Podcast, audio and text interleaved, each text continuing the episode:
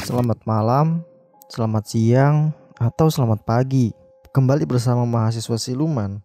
Pada video kali ini, kita akan menceritakan cerita kiriman dari Muhammad Arifin dari Curup, Bengkulu. Cerita ini merupakan kisah nyata yang dia temui sendiri saat pendaki Gunung Kaba atau lebih dikenal dengan Bukit Kaba bersama tujuh orang temannya. Gunung Kaba atau Bukit Kaba terletak di Desa Sumber Urip, Kecamatan Selupu Rejang, Kabupaten Rejang, Lebong, Provinsi Bengkulu, Pulau Sumatera, yang ketinggiannya 1952 mdpl, yang masih merupakan salah satu gunung aktif di Bengkulu. Nama-nama di dalam cerita ini sudah disamarkan, tepatnya bukan nama asli, karena beberapa pihak ada yang tidak ingin diketahui identitasnya.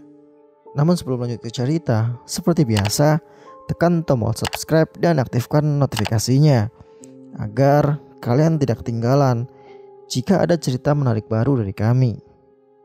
Gunakan earphone-mu, cari posisi nyaman, dan selamat mendengarkan. Nama saya Arya. Saya akan menceritakan kejadian yang saya alami di Gunung Kaba bersama tujuh teman saya hari ini tanggal 9 November 2019. Kami akan mendaki Gunung Kaba. Enam teman saya yaitu ada Yadi, Ahmad, Wawan, Arman, Tami, dan Ijal. Sekarang sudah jam setengah sembilan pagi. Kami sudah berkumpul dan sudah siap semua kecuali Tami. Tiba-tiba ada notif pesan masuk di HP-ku yang ternyata dari Tami. Eh maaf mas, aku kesiangan. Oh iya nggak apa-apa dek. Jadi gimana? Jadi ikut? Jadi mas, tapi aku belum siap. Ya udah, siap-siap aja dulu. Kalau udah siap, chat mas, nanti mas jemput. Oke siap mas. Tak lama, sekitar 30 menit Tami ngasih kabar kalau sudah siap Aku pun langsung menjemputnya. Pagi dek, pagi juga mas. Ayo begadang ya semalam, kok bisa sampai kesiangan? Hehehe, iya mas, semalam aku begadang buat tugas. Singkat cerita, saya langsung mengajak Tami ke tempat Yadi. Saya dan Tami pun sampai di rumah Yadi. Tanpa ditunda lagi, kami langsung meluncur ke Gunung Kaba yang jarak tempuhnya sekitar 30 menit sampai pos penjaga. Sekarang kurang lebih sudah jam 10 pagi. Yuk langsung registrasi aja kita, ajakanku. Dan kami pun langsung registrasi dan mendata nama-nama kami serta menghitung kendaraan yang kami bawa. Dan kami pun berhenti sebentar di perkarangan luas, tepatnya di belakang pos penjaga untuk melakukan doa bersama menurut agama dan kepercayaan masing-masing. For info, Tami dan Arman non-muslim. Selesai melakukan doa bersama, kami pun langsung tancap gas masuk ke hutan. Selama perjalanan kami happy. Kami dihibur oleh tingkah Wawan yang badannya besar, tinggi, sering mengeluh kecapean. Dan kami pun sering berhenti. Karena di alam kita dilatih untuk menghilangkan keegoisan diri sendiri. Jarak tempuh untuk mendaki sampai ke puncak tidak tentu. Perkiraan normal 1-2 jam. Kami tidak mau terlalu memaksakan untuk sampai ke puncak. Mengingat Wawan yang tingkahnya seperti itu. Dan Tami wanita yang kami bawa. Yang akan kami jaga seperti ratu. Menurutku, selama perjalanan sih normal saja. Kami bertegur sapa dengan pendaki yang turun dan yang naik gunung. Kami pun bertemu satu rombongan anak pramuka, kayaknya masih SMA, yang mana salah satu dari mereka sempat aku lirik. Ya habisnya manis banget, hehehe. Hehe, mata-mata jaga mata, ucap Yadi. Daun muda di hehehe. Sampailah kami di Kuba satu, yaitu tempat yang dibuat untuk beristirahat. Kami orang Curup menyebutnya Kuba. Mana rokok Ar? Ucap Arman. Oh, ya ini Aku sedikit malu karena aku lupa mengeluarkan amunisi bagi laki-laki.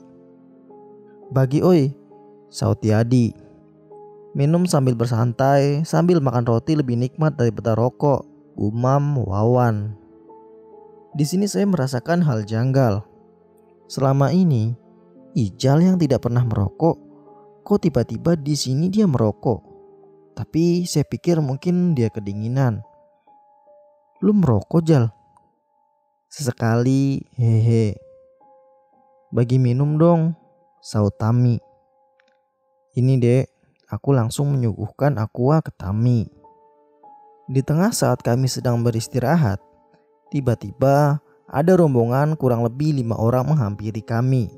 Rupanya, salah satu dari mereka adalah teman kuliah Tami, namanya Vika. Kami pun berbincang-bincang dan berkenalan, dan Vika sempat menggoda Ijal. Abang manis siapa namanya? Ijal mbak. Tak lama, mereka bersama kembali. Mereka pun pamit turun. Anehnya, Vika tidak ikut turun. Malah ikut bersama kami dan mereka berpisah dari Kuba satu. Kami sih welcome-welcome saja. Tapi terlihat dari wajah Tami. Sepertinya dia kurang senang kalau Vika ikut bergabung. Singkat cerita, kami mulai melanjutkan perjalanan. Kami menelusuri dari Bukit Gajah dan terus menuju ke Kawah Mati. Di Kawah Mati kami sempat duduk kembali di pinggiran Kawah Mati itu untuk menikmati udara bebas dan sedikit mengisi tenaga. Setelah selesai beristirahat, kami berjalan kembali. Di mana di saat ini kami seperti berpisah. Yadi, Arman, Wawan, Ijal dan Ahmad pergi ke arah goa mata air senja. Sedangkan Tami dan Vika nampak akrab dan terus berjalan tidak mengikuti rombongan. Saya merasa bingung. Akhirnya saya memutuskan untuk ikut Tami dan Vika. Karena saya takut terjadi apa-apa dengan mereka. Tak lama kemudian, saya terkejut. Tiba-tiba, Ahmad, Yadi, Arman, Ijal, dan Wawan sudah ada di belakang kami bertiga. Kira-kira hanya berjarak 6-7 meter. Akhirnya kami melanjutkan perjalanan bersama lagi. Saya mengajak Tami untuk naik ke puncak yang tinggi. Sedangkan yang lain menunggu di bawah. Karena satu hari sebelum pergi, Tami bilang kalau ada hal yang ingin dia ceritakan. Kalau di bawah dia tidak mau cerita, takut yang lain mungkin tahu. Ya tentu saja cerita Tami seperti yang saya duga, yaitu tentang masa lalunya. Maaf saya skip cerita Tami karena itu soal pribadinya. Tak lama selang Tami bercerita, Vika, Yadi, Ahmad, dan Ijal tiba-tiba menyusul kami. Dan Tami langsung mengakhiri ceritanya sekitar kurang lebih 10 menit kami di sana. Saya mengajak Vika Tami, Ahmad, Ijal, dan Yadi untuk turun dari tempat itu. Udah selesai curhatnya, ucap Yadi. Sudah, yuk turun yuk. Dan kami pun turun dari puncak itu, yang mana saya perhatikan muka Tami sangat sedih. Ketika kami sampai di bawah, Wawan dan Arman sudah menunggu kami. Tiba-tiba Tami langsung memeluk Vika dan menangis. Saya pun merasa bersalah karena saya sudah merasa sudah membuat dia teringat lagi masa lalunya. Bang, lu apain Tami? Ucap Vika. Gak gua apa-apain kok. Lah ini kok dia sampai nangis? Aku hanya terdiam menatap Vika yang bertanya seperti itu. Udah Vik, gue emang lagi mau nangis kok, saut Tami. Hayo lu apain Tami? Wawan pun seolah memojokkan saya. Mikir apa kalian? Mungkin Arya membuat Tami terharu, saut Ahmad. Saya mengajak mereka melanjutkan perjalanan dan kami pun lanjut mengelilingi kawah mati menuju tangga seribu. Sebenarnya tidak sampai seribu, kurang lebih hanya tiga ratusan saja. Dan sampailah kami di puncak tangga seribu. Di sini saya kembali heran karena di antara kami tidak ada yang merasakan capek sedikit pun. Kami sibuk bercanda gurau, foto-foto, dan hal lain-lain. Tidak lama kami di tangga seribu, kami pun turun dari sana kurang lebih sekitar satu jam saja. Karena melihat kurang lebih sudah pukul 6 sore. Ditambah lagi cuaca tidak bersahabat. Kabut sudah mulai timbul dan cuaca mulai terasa dingin. Dari tangga seribu, kami berhenti sejenak tepatnya di Kuba 2. Persediaan air mulai menipis. Aqua botolan yang kami bawa tinggal setengah botol. Kami pun akhirnya melanjutkan perjalanan. Di Kuba 2 ini kami diberi dua pilihan. Kembali lewat hutan atau lewat jalan yang sudah diaspal ala kadarnya seperti jalan setapak. Kita mau lewat mana? Lewat jalan setapak aja gimana? Ucapku. Lewat hutan aja, gue gak mau ketemu kaki empat alias harimau. Iya cuk, lewat hutan aja kita, saut Yadi. Yang lain pun hanya ikut mau lewat mana saja. Emang ajakanku tidak masuk akal. Dengan keadaan tenaga sisa, kok saya mengajak mereka lewat jalan setapak yang jaraknya bisa sampai dua kali lipat dari jarak hutan. Tapi ada keuntungannya lewat jalan setapak. Jalannya tidak terlalu terjal, tidak ada tebing atau turunan yang curam untuk dilewati. Saya pun akhirnya mengikuti mereka. Tidak mungkin kita egois dengan diri sendiri. Kami pun melanjutkan perjalanan lewat hutan. Di tengah perjalanan, antara Kuba 2 menuju Kuba 1, Arman mengajakku menyamping ke kiri untuk mengambil air karena di sana ada mata air. Hitung-hitung untuk persiapan kami turun yang mana melihat persediaan air kami hampir habis. Arya, ikut gua ambil air yuk. Ayo man, saya dan Arman pun langsung bergegas untuk mengambil air. Jadi Ahmad, Ijal, Wawan, Tami dan Vika kami suruh untuk jalan duluan saja. Tak lama, saya dan Arman pun sampai ke sumber mata air yang ingin kami tuju. Anehnya, tidak ada air yang bisa kami ambil. Mata airnya itu kering. Kami mencoba menelusuri jalur mata air itu, namun hasilnya tetap nihil. Tidak ada hasil dan tidak ada air yang bisa kami bawa.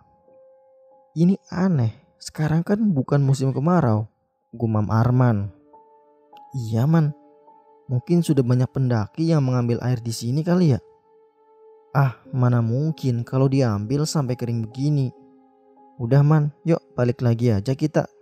Perasaan janggal kembali merasuki pikiranku. Hal aneh yang timbul untuk kesekian kalinya. Dari sini saya mulai merasakan kalau apa yang kami temui bukanlah kebetulan. Entah hanya aku atau mereka juga merasakannya. Akhirnya saya dan Arman kembali ke jalur untuk menyusul mereka yang sudah kami suruh untuk turun duluan. Kami pun langsung sampai dan mengejar Yadi dan yang lainnya. Dan sekarang kami sudah bersama kembali. Mana airnya? Tanya Wawan. Mana ada air, mata airnya kering. Jawab Arman. Ah, nggak mungkin mata airnya kering. Ini kan bukan musim kemarau. Lihat saja sendiri, Wan. Udah-udah nggak usah ribut, nggak usah bawa air. Kita juga nggak bakal haus. Ucap Vika. Tak kabur lu, Fik, saut Ahmad. Dan kami pun lanjut jalan lagi. Saya pun sama berpikirnya seperti Ahmad. Ah, Sombong sekali cewek ini, alias Vika. Mana mungkin turun yang jarak normal bisa sampai dua jam setengah, apalagi tenaga pun sudah menurun tidak merasakan haus. Tapi itu tidak saya hiraukan. Saya hanya peduli dengan Tami yang dari tadi sudah diam. Mungkin bawaannya karena capek. Suasana pun menjadi garing. Sudah tidak seperti tadi. Tidak tahu apa yang membuat suasana berubah. Mungkin sudah capek Ya, hanya itu yang bisa dijadikan alasan. Di jalan turun ini, kami bertemu satu rombongan yang turun juga. Tiga laki-laki dan satu wanita yang saya rasa di sini bukan hanya saya yang jengkel sekaligus merasa aneh.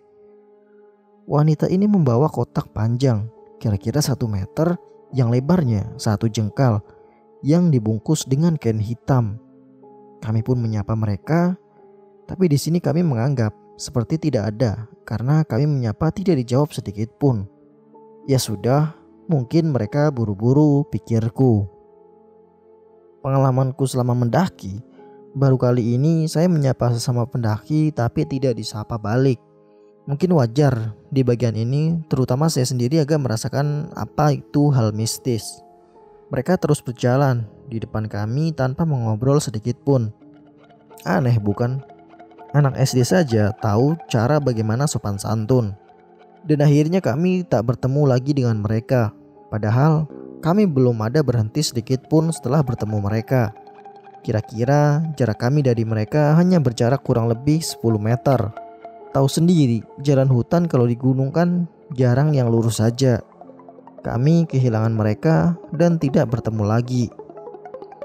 Kami tidak mau memikirkan hal yang semacam itu. Karena mengingat sudah banyak hal yang janggal kami temui dari tadi. Kami memutuskan untuk istirahat karena sudah waktu maghrib. Karena lebih baik berhenti daripada lanjut jalan di saat waktu maghrib. Waktu kami berhenti, kami semua happy. Kami bersantai, membuat api unggun kecil dan makan sisa persediaan tanpa minuman. Di sini kami tidak begitu serius. Kami hanya ngobrol-ngobrol, obrolan kosong. Tak lama kemudian, waktu maghrib pun habis. Senja pun perlahan memudar dan kami pun melanjutkan perjalanan kami. Sepertinya orang sudah selesai sholat. Akhirnya, waktu yang kami tunggu pun tiba. Kami langsung mematikan api dan membersihkan sisa pembakaran. Kami melanjutkan perjalanan, yang mana kurang lebih sudah pukul 18 lebih 45 menit. Saat kami mulai perjalanan, kami merasa perjalanan kami tidak normal, sangat jauh dibandingkan biasanya. Ah, Gak beres, jalan kita diputar-putar. Gumam Ijal. Tak ada yang menjawab gumam Ijal. Aku pun hanya diam dan melirik menatap Ijal. Mauku Ijal diam saja karena itu hanya membuat cemas terutama bagi Tami dan Vika karena mereka cewek. Kami terus berjalan sambil membawa perasaan yang sedikit cemas karena perkataan Ijal. Di tengah-tengah perjalanan kami, Ahmad yang ingin menghidupkan senter, tapi senter itu mati, tidak bisa menyala seperti habis baterai. Kenapa Mat? Tanya aku. Gak tahu Ar, mungkin habis baterainya. Tak lama dari kejadian itu, tanpa ku sadari, Tami diam dan terus berjalan tanpa ada kata yang keluar dari mulutnya. Dan tiba-tiba Tami bergumam dan memandang satu titik di bawah batang pohon. Batang pohon itu tumbang di jalan. Dia melihat sosok yang begitu cantik dan dikawal oleh dua orang lelaki besar. Tetapi sosok itu terlihat marah melihat kami. Dan hanya Tami yang melihat itu. Spontan saya terkejut dengan apa yang Tami katakan. Tapi anehnya, saya sendiri tidak melihat apa pun. Ada apa dek? Kok kamu kayak orang takutan Tami hanya terdiam dan genggaman tangannya tambah erat. Batinku kuat mengatakan ada sesuatu di depan kami. Yadi yang dari tadi seperti orang gelisah, tiba-tiba berpindah posisi dari belakang langsung pindah ke depan Tami dan saya. Memang sebelumnya posisiku dan Tami berada di paling depan. Sekarang berubah menjadi Yadi yang memimpin jalan kami. Ada apa di? Tanya aku. Sudah, jangan cemas, tenang saja. Jawab Yadi dengan raut muka yang tenang dan dingin. Bagaimana saya bisa tenang melihat sudah banyak hal-hal yang tidak normal yang kami alami? Apalagi semakin lama tangan Tami yang kugandeng semakin dingin, semakin berat dan semakin erat. Di sini mental kami mulai kacau kecuali Yadi. Hal itu tidak berlaku dengan Yadi di mana sepertinya mental kami semua sudah kacau. Yadi tetap terlihat seperti orang yang tidak ada masalah. Ya, dia biasa saja. Dan kami terus berjalan. Tibalah kami di persimpangan tiga, yang pas posisinya di bawah rumpun bambu. Yang mitosnya di sini adalah tempat jual beli atau pasar goib. Tiba-tiba Tami jatuh perlahan. Tidak langsung jatuh karena saya sempat menahannya. Sangat terasa denyut nadinya begitu kencang seperti orang habis berlari jarak jauh. Spontan, saya langsung memukul pipi Tami dan memanggilnya. Namun hal itu sia-sia saja. Tami tetap saja tidak sadarkan diri. Dah selesai, sudah tidak beres lagi nih. Gumam Vika sambil memandang Tami yang pingsan. Tami, Tam, Tam. Yadi mencoba membangunkan Tami seperti yang saya lakukan. Sudah, digendong saja. Yadi langsung menggendong Tami dan saya di samping mereka. Di tengah-tengah perjalanan, saya tiba-tiba terjatuh dari samping mereka. Arya, ngucap Ar, ucap Yadi. Aku tidak niat jahat, aku hanya mau ikut membantu Tami. Spontan kata-kata itu keluar begitu saja dari mulutku. Posisi saya sekarang sedikit mundur di belakang Yadi yang masih mengidong Tami. Saya melihat ke belakang. Tentu melihat Wawan yang badannya besar tinggi. Tiba-tiba menangis tanpa suara sambil berjalan mengangkat bahunya. Yadi yang ada di depanku pun bergumam, Kontrol Wan, kontrol bawaan kamu itu. Terlintas di pikiranku, tentu saja kami yang selama ini tidak pernah melihat Wawan menangis, sekarang melihat apa yang tidak pernah kami alami selama ini. Terasa begitu aneh. Dan sampailah kami di tempat yang datar. Di sini timbul lagi masalah. Sekarang Vika yang jatuh dan tidak sadarkan diri.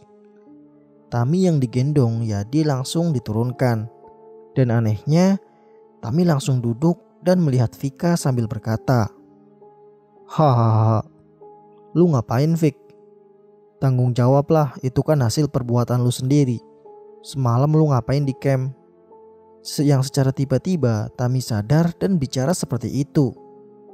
Kaget, jelas kami kaget dengan tingkah Tami yang seperti itu. Ayo, siapa lagi yang mau keluar? Ayo lawan aku. Arman sepertinya sudah mulai kesal dan bosan dengan kejadian yang kami temui. Sontak, suasana menjadi hening, tapi tetap saja aura panas masih menyelimuti. Mat, coba azan. Ucap Yadi. Ahmad langsung azan. Suasana sedikit menjadi berubah dan lebih tenang. Terlihat di mata Arman. Tami dan Yadi yang menatap tajam ke arah Ahmad yang sedang azan. Tak lama kemudian, sesudah Ahmad selesai azan, Ahmad berjalan jatuh ke tanah, posisi berlutut dan menundukkan kepala seperti orang kecapean. Ada apa, Mat? Lu kenapa, Mat? Tanyaku dan tanya Yadi. Gak apa-apa kok. Tapi kepalaku terasa berat ucap Ahmad sambil menggeleng kepala yang posisinya berlutut. Tentu saja, keadaan sudah berubah sedikit tenang. Sekarang kembali mencekam sambil diiringi gelapnya malam. Vika yang pingsan belum sadarkan diri. Tami yang tadi sudah sadar kembali pingsan. Ditambah lagi dengan keadaan Ahmad sekarang seperti orang kehabisan tenaga. Dan sekarang Tami yang masih pingsan di pelukanku tiba-tiba dia berisik. Mas, mana Bang Arman? Ada dek, ada apa? Aku memanggil Arman. Bang, tolong bantuin aku. Tolong bacakan doa Bapak kami dan ayat suci yang abang bisa. Iya dek, ayo. Arman langsung menarik tangan Tami seperti orang salaman. Posisi badan Tami masih bersender di badanku dan kakinya melonjor. Sedangkan Arman masih memegang tangan Tami, tapi usaha itu membantu sepertinya. Secara perlahan, Tami sadar. Di sisi lain, Yadi, Wawan, Ahmad, dan Ijal mencoba menyadarkan Vika yang masih pingsan. Tampar Vika tampar. Semua dia mendengar ucapan Yadi yang seperti orang marah. Saya pun hanya diam. Mungkin mereka juga sama berpikir denganku. Tidak tega untuk menampar perempuan. Dan tiba-tiba terdengarlah suara Terdengar suara tangan Yadi menampar pipi Vika. Begitu saja kok susah sekali. Ucap Yadi. Vika perlahan sadar dan merintih kesakitan sambil mengelus pipinya. Dah sadar, Aduh, ada apa ya? Sakit banget nih. Vika sambil memegangi pipinya. Kami pun hanya diam Tak ada yang menjawab pertanyaan Vika. Semua sudah sadar dan saya bertanya kepada Ahmad yang sepertinya sangat kelelahan sekali. Bagaimana Mat? Sanggup nggak? Insya Allah Ar. Kami melanjutkan perjalanan. Selama perjalanan sampai ke jalan yang sudah disemen penduduk setempat yang tandanya kami tidak tersesat dan hampir sampai ke pos. Tapi masih cukup jauh, kira-kira 300 meter kami akan baru sampai ke pos. Tepat di bibir sungai kecil yang ingin kami lewati tanda pembatas antara Gunung Kaba dan kebun warga yang sudah tidak jauh lagi sampai pos.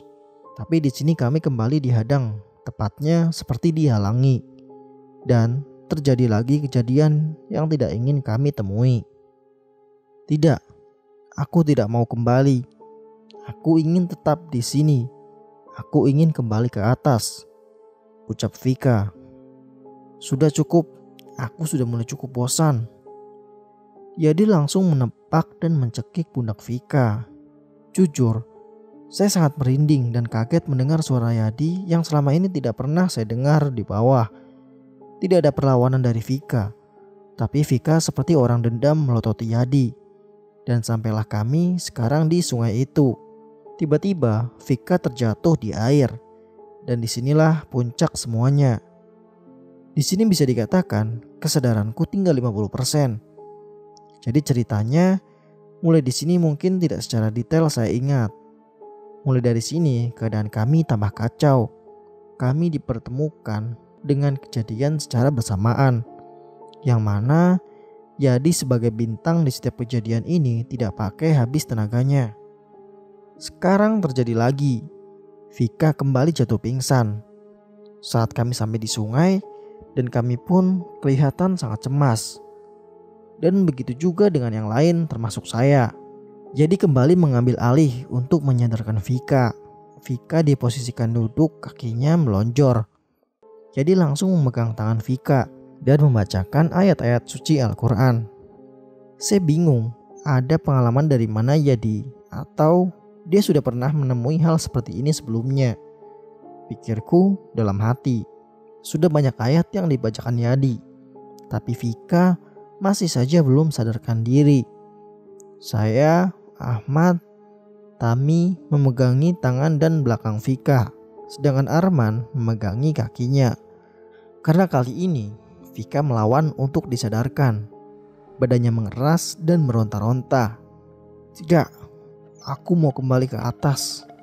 Hanya kata-kata itu yang berulang kali diucapkan Vika. Belum lama dari Vika dimasuki sosok itu. Sekarang Arman yang tadinya memegangi kakinya mendekati Vika seperti mau menggigit Vika. Saya kira Arman ingin membantu Yadi. Ternyata secara tiba-tiba Arman memberontak seperti ada sosok yang memasukinya. Yang secara spontan didorong oleh Yadi. Dan sepertinya Yadi tidak ingin Arman mendekati Vika. Wawan dan Ijal langsung menahan Arman yang didorong Yadi. Di sinilah yang saya katakan cerita ini versiku. Yang mana kesadaranku tinggal 50%. Jadi mohon maaf mungkin yang secara detail tidak saya ingat. Dan sekarang saya sudah tidak tahan lagi untuk menahan emosi saya. Itu karena mungkin saya sudah mulai bosan dan muak dengan semua kejadian yang kami temui dari tadi. Ditambah lagi melihat Arman yang lost control. Akhirnya saya pun ikut lost control. Sebelum pada akhirnya saya hilang kesadaran total. Saat Arman yang saya ceritakan seperti ingin menggigit Vika, bukan Arman lagi yang saya lihat, melainkan macan kumbang Macan itu sangat besar, yang ukurannya kira-kira dua kali ukuran manusia dewasa. Ya, benar bukan Arman yang saya lihat didorong oleh Yadi, tapi macan itu. Tiba-tiba hanya Yadi, Tami, Ijal, dan macan kumbang itu yang saya lihat. Suasana pun hening. Hening seperti waktu dihentikan sementara. Pada akhirnya, saya tidak tahu saya kenapa. Tapi saya hanya ingat satu kata. Allahu Akbar. Hanya kata itu yang mampu kuingat sambil disusul kata aku kuat. Dan secara tiba-tiba, saya merasakan ada seorang yang mengusap air ke mukaku. Yang ternyata itu tangan Yadi. Setelah saya setengah sadar, posisi saya sudah berubah. Yang tadinya tangan kiriku memegang bahu Ahmad, dan tangan kananku memegang bahunya Vika yang belum sadarkan diri. Sekarang posisiku terhempas, kira-kira satu meter dari mereka. Saya kebingungan, saya hanya diam dan tidak banyak tanya. Yang penting semuanya sudah normal. Kami tidak membuang-buang waktu, kami pun langsung naik ke darat. Karena kejadian barusan terjadi bersamaan, terjadi di dalam sungai, jadi memerintahkan kami untuk jalan duluan. Kalian duluan saja, aku mau kembali ke sungai, mau pamitan dulu. Aku ikut, jawab Arman. Mereka pun kembali ke sungai yang disusul oleh Ijal Sedangkan saya, Ahmad, Wawan, Tami dan Vika pergi duluan sesuai arahan Yadi. Selama perjalanan ke pos saya sempat berpikir, pamit. Pamit dengan siapa? Itu yang saya pikirkan selama kami berjalan ke pos. Dan saya berpikir, apa salah kami? Sampai kami menemui kejadian-kejadian seperti itu. Setelah itu, kami kembali bersama-sama di pos. Kami duduk diam dan saling membisu, memikirkan apa yang kami temui. Cukup lama kami saling membisu, tidak ada percakapan sama sekali. Dan akhirnya, saya sendiri langsung menuju penjaga pos untuk unregistrasi, yang mana mencoret nama-nama kami yang tandanya kami sudah turun dan keluar dari gunung. Kemalaman ya bang? Tanya pos penjaga. Maaf ya mas, Soalnya tadi kami terlena melihat sunset. Gak apa-apa bang, yang penting turun dengan selamat. Iya mas, syukur alhamdulillah. Saya pun langsung meninggalkan penjaga pos itu dan kembali ke rombongan. Kembali terlintas di kepalaku ucapan sang penjaga. Yang penting kalian turun dengan selamat. Dia tidak tahu kalau kami hampir tidak pulang. Tapi di sisi lain, saya pikir ada benarnya juga kata penjaga pos. Yang penting kami bisa atau sudah selamat dari apa yang kami temui.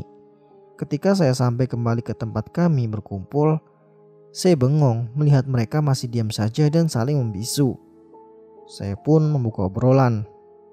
Gak salah kan ini? Jam 9 lebih 45? Enggak Ar, pas kok. Pas. Saut Yadi dengan nada agak tinggi. Jam berapa tadi kita turun? Tanya Arya. Tidak ada yang menjawab pertanyaanku itu. Jadi, kurang lebih kami turun 4 jam, yang mana secara normal kalau turun hanya satu jam setengah sampai 2 jam. Mungkin ambil lamanya ya 2 jam setengah lah. Setelah berselang kurang lebih 20 menit, kami selesai istirahat.